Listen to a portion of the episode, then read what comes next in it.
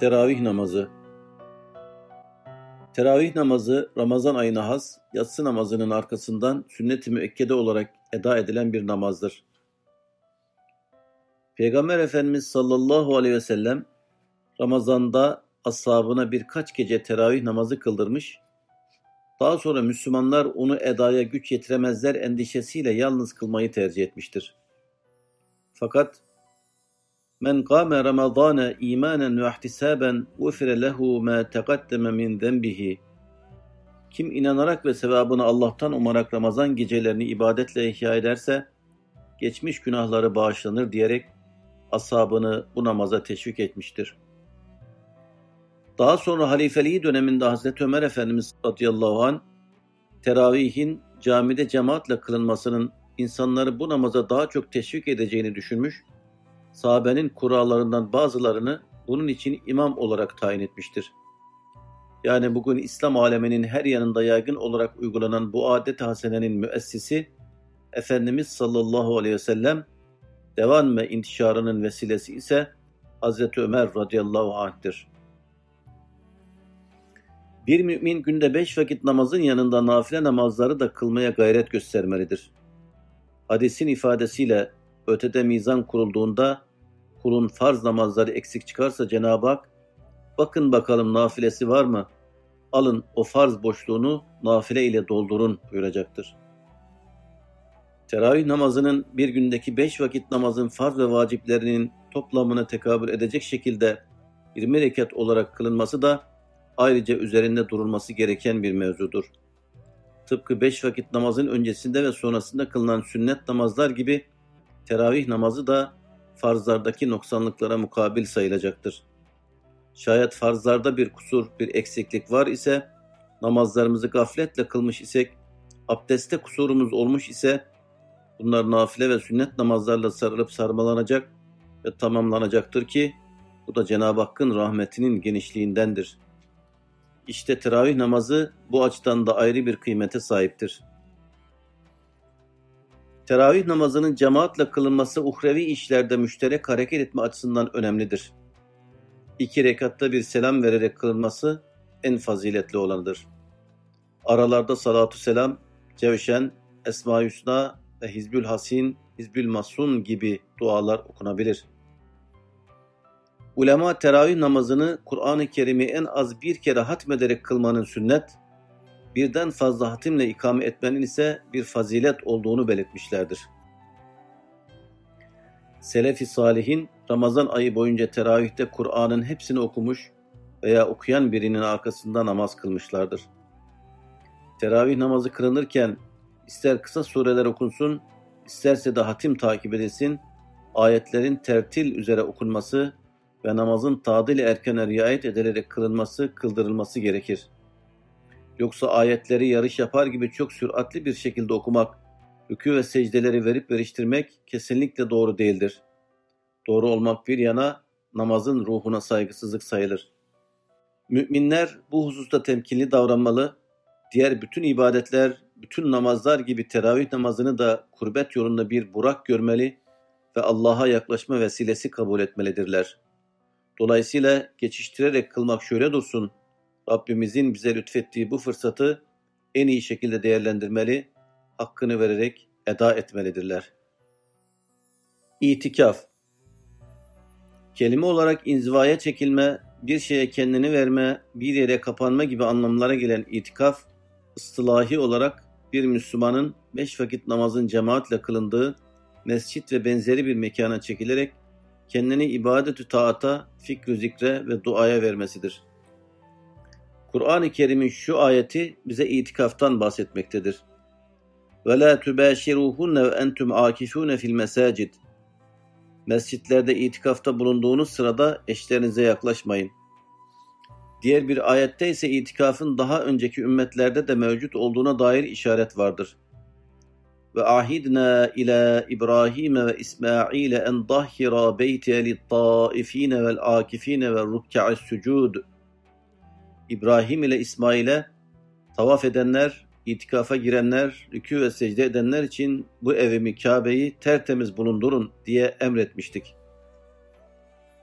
Efendimiz sallallahu aleyhi ve sellem hicretin ikinci yılından itibaren her sene Ramazan'ın son 10 gününü mescidinde itikafla geçirmiştir. Bir sene seferde olduğu için yapma imkanı bulamamış ancak onu da daha sonraki Ramazan'da 20 gün yapmak suretiyle telafi etmiştir. Hazreti Ayşe radıyallahu anha Allah Resulü'nün bu günlerdeki heyecanını şu sözleriyle anlatır. Resulullah sallallahu aleyhi ve sellem Ramazan ayında diğer aylardan daha fazla ibadet ederdi. Ramazanın son 10 gecesini sair gecelere nispetle daha ciddi ihya eder, bu geceleri ihya etmeleri için hususuyla aile fertlerini de uyandırırdı. Ciddiyetle ibadete yönelirdi. İtikaf sünnetini sahabeden birçok kimsenin yanı sıra Peygamber Efendimiz sallallahu aleyhi ve sellemin hanımları da kendi hanelerinde namaz için tahsis ettikleri yerlerde yapmışlardır. Kendi ifadeleriyle onlar Efendimiz sallallahu aleyhi ve sellemin ahiret yurduna irtihalinden sonra da bu sünneti hiç bırakmamışlardır. Peygamber Efendimiz sallallahu aleyhi ve sellem itikafa gireceği zaman mescidin bir köşesini hasırla çevirmiş ve orada ibadet taat ile meşgul olmuş ve bir zaruret olmadıkça da mescitten ayrılmamıştır. Hatta bir seferinde mübarek saçlarını yıkamak istediğinde bulunduğu yerden sadece başını hücre-i saadetine uzatmış ve Hazreti Ayşe de onun sallallahu aleyhi ve sellem saçlarını yıkayıp taramıştır. Erkeklerin mescitte itikafa girmeleri gerekirken kadınlar için böyle bir şart koşulmamış, onların kendi evlerinde ibadet için tahsis edecekleri bir köşede itikafa girmelerinin daha uygun olacağı ifade edilmiştir. Bununla beraber şartlar dinin ruhuna uygun şekilde bu sünnet-i seniyeyi ifa edebilecekleri şekilde oluşturulabilirse, onların da mescitlerde itikafa girmelerinde bir mahsur olmayacaktır. İtikaf sırasında hayırdan başka söz söylememeye özen göstermelidir. Her ne kadar günah olmayan sözlerin konuşulmasında bir beis olmasa da, itikafın genel ruhuna uygun olan davranış, ya hayır söylemek ya da susmaktır. Hele dedikodu, iftira, söz taşıma gibi içeriği günah olan şeylerden fersah fersah uzak durmak gerekir. İtikaf esnasında çokça namaz kılmak, Kur'an-ı Kerim okumak, zikir ve tefekkür gibi nazarları ahirete çeviren işlerle meşgul olmak, bu ibadetin ruh ve manasına en uygun amellerdendir. Ayrıca Peygamber Efendimiz sallallahu aleyhi ve sellemin diğer peygamberlerin ve sair büyüklerin hayatlarına dair kitaplar okunabilir, dini imani meseleler müzakere edilebilir.'' İtikaf kişiyi beşeri ve nefsani bir takım arzu ve isteklerinden alıkoymak suretiyle onun kalp ve ruhun derece hayatına çıkmasına zemin hazırlar. Üç ayların başlamasıyla birlikte manevi bir atmosfere giren mümin, Ramazan'da oruç ve teravihle birlikte daha da uhrevileşir. Ramazan'ın son on günü gireceği itikaf ise onu meşru bir takım ihtiyaçlarından da alıkoyarak adeta melekleştirir. Çünkü o bu süre zarfında yemesini içmesini kontrol altına alır. Dünyevi meşgaleleri terk eder. Günahlara bütünüyle kapanır ve sadece ibadeti taatla meşgul olur. İtikaf bazı İslam büyükleri tarafından büyük bir zatın kapısında oturup ihtiyacımı yerine getirmedikçe bu kapıdan ayrılmayacağım diyen bir kimsenin durumuna benzetilmiştir.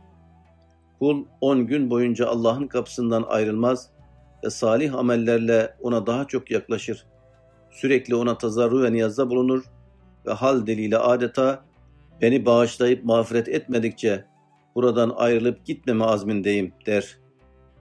Efendimiz sallallahu aleyhi ve sellem Kadir gecesini Ramazan'ın son 10 gününde aramamızı tavsiye etmiştir.